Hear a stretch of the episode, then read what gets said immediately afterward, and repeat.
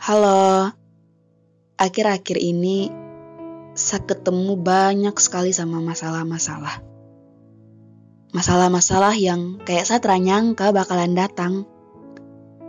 Makin ke sini saya makin sadar kalau untuk jadi dewasa berarti saya harus kenalan dulu sama yang namanya gagal. Saya harus rasa dulu sapu jatah gagal, baru bisa ketemu yang namanya berhasil. Tidak bisa langkahi proses itu tepat 22 Maret lalu, hari pengumuman hasil SNMPTN, seleksi nasional masuk perguruan tinggi negeri. Sebelum daftar SNMPTN, itu saya baca dan dengar banyak sekali perkataan orang-orang yang selalu bilang, Bin, jangan terlalu berharap di SNMPTN. Depo sistem penilaian itu tidak ada yang tahu. Jadi, kalau kau terlalu lolos ya tidak apa-apa.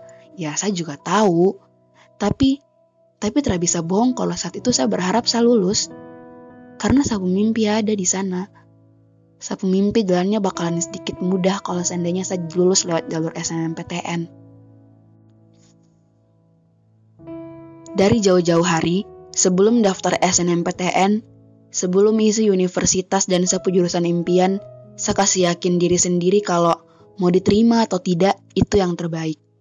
Wajar kalau seandainya saya terlalu lolos terus saya sedih. Tapi saya juga harus percaya kalau pilihan Tuhan tak pernah salah. Nanti, nanti pasti di masa depan saya bakalan ngomong, oh jadi ini nih alasan kenapa dulu Hatta lolos SNMPTN. Tuhan baik sekali ternyata, ternyata saya dikasih hal yang jauh lebih baik. Hal-hal yang Hatra bakalan dapat kalau seandainya saya lolos SNMPTN. Berulang-ulang kali saya tanamkan kalimat-kalimat itu ke sapu diri sendiri. Bahwa bintang, nanti kalau kau terlalu lolos, dan pas hari H, saya semangat sekali untuk buka hasilnya. Bahkan bahkan saya sampai taruh kamera untuk rekam sapu ekspresi pas detik-detik buka hasil SNMPTN. Sebelum buka saya masih sempat-sempatnya ketawa, ngomong di depan kamera, kasih semangat ke diri sendiri. Tapi pas saya lihat hasilnya, di situ tertulis Anda dinyatakan tidak lulus SNMPTN. Di situ, di situ saya kayak kosong, tidak tahu harus pasang ekspresi apa di depan kamera. Karena karena bakalan aneh kalau saya ketawa. Tapi bahkan untuk menangis pun tidak bisa. Kayak kosong. Dan tadi malam saya nonton ulang video satu ekspresi pas buka hasil SNMPTN. Dan itu kelihatan jelas sekali saya perubahan ekspresi dari yang tadinya senyum. Tapi pas tahu kalau terlalu lolos, sapu senyum langsung hilang. Untung Untung di situ tertulis Anda tidak lulus SNMPTN, bukan malah ditulis Anda gagal SNMPTN. Ya sebenarnya maknanya sama, tapi untuk saat itu kata gagal kayaknya terlalu kasar untuk saya. Apalagi bertepatan abis buka hasil SNMPTN, terus banyak chat yang masuk tanya-tanya.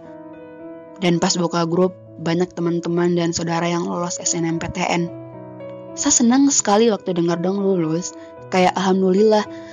Bahkan bahkan saya bisa rasa dong perasaan senang itu kayak ada energi positif dari dong perasa senang. Tapi di situ saya langsung tanya ke diri sendiri why kenapa Hatra lulus? Dan untungnya alhamdulillahnya pas ada pikiran-pikiran buruk kayak gitu saya langsung ngomong ke diri sendiri bin proses tiap orang itu beda-beda. Jatah gagalnya orang itu beda-beda tak harus lewat jalan A untuk sampai ke sapu tujuan, masih banyak sekali jalan lain. Ya walaupun mungkin jalan A adalah jalan paling cepat dan paling bagus, tapi itu bukan sapu jalan. Kalau saya paksa jalan, nanti saya bakalan kecelakaan. Saya bakalan luka parah. Ya, karena memang bukan sapu jalan. Kalau tidak bisa pakai jalan A, saya bisa coba pakai jalan B, C, D, sampai Z. Bahkan saya bisa buat sapu huruf sendiri saya bisa buat sapu jalan sendiri. Sekarang, setiap malam, setiap hari bahkan, yang ada di sapu kepala hanya, Bin, nanti 10 tahun lagi kok bakalan jadi apa? Kok nanti bisa dapat kerja ke tidak? Itu, itu pertanyaan yang selalu ikut saya ke mana pun saya pergi. Saya duduk di kantin, pertanyaan itu muncul lagi. Saya di dalam taksi pas pulang sekolah, pertanyaan itu muncul lagi pertanyaan yang mengganggu tapi sebenarnya saya butuh diganggu dengan pertanyaan itu. Supaya apa? Supaya saya tersantai terus. Supaya teramalas.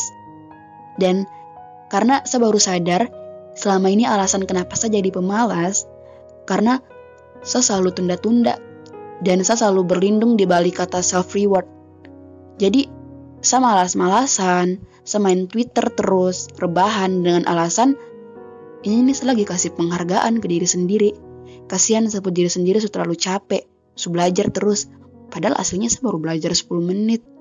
Main Twitter bisa lebih dari satu jam. Itu bahaya sih, bahaya sekali. Dan makin dewasa, secara terlangsung banyak sekali hal-hal yang seharus jadi tong tanggung jawab. Hal-hal yang kalau bukan tong yang urus ya udah, terbakalan selesai. Kayak contoh masa depan masa depan tuh tergantung di kita. Kalau bukan tong yang bergerak ya udah, kita bakalan stuck di titik ini aja. Pasti capek, itu wajar. Wajar sekali kalau seandainya kita ketemu sama keadaan di mana kita rasa capek dengan semua tanggung jawab yang kita punya.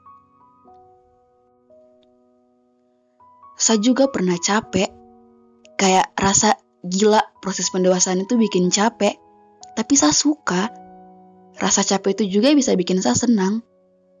Dengan masuk ke dalam proses pendewasaan, saya punya pola pikir juga ikut tumbuh. Saya jadi bisa lihat masalah-masalah yang datang ke sapu hidup. Masalah-masalah yang membuat saya sempat pikir bahwa menyerah jadi satu-satunya jalan keluar. Tapi saya bisa bantah pikiran itu dan lihat sapu masalah-masalah melalui dua sisi, sisi positif sama sisi negatif.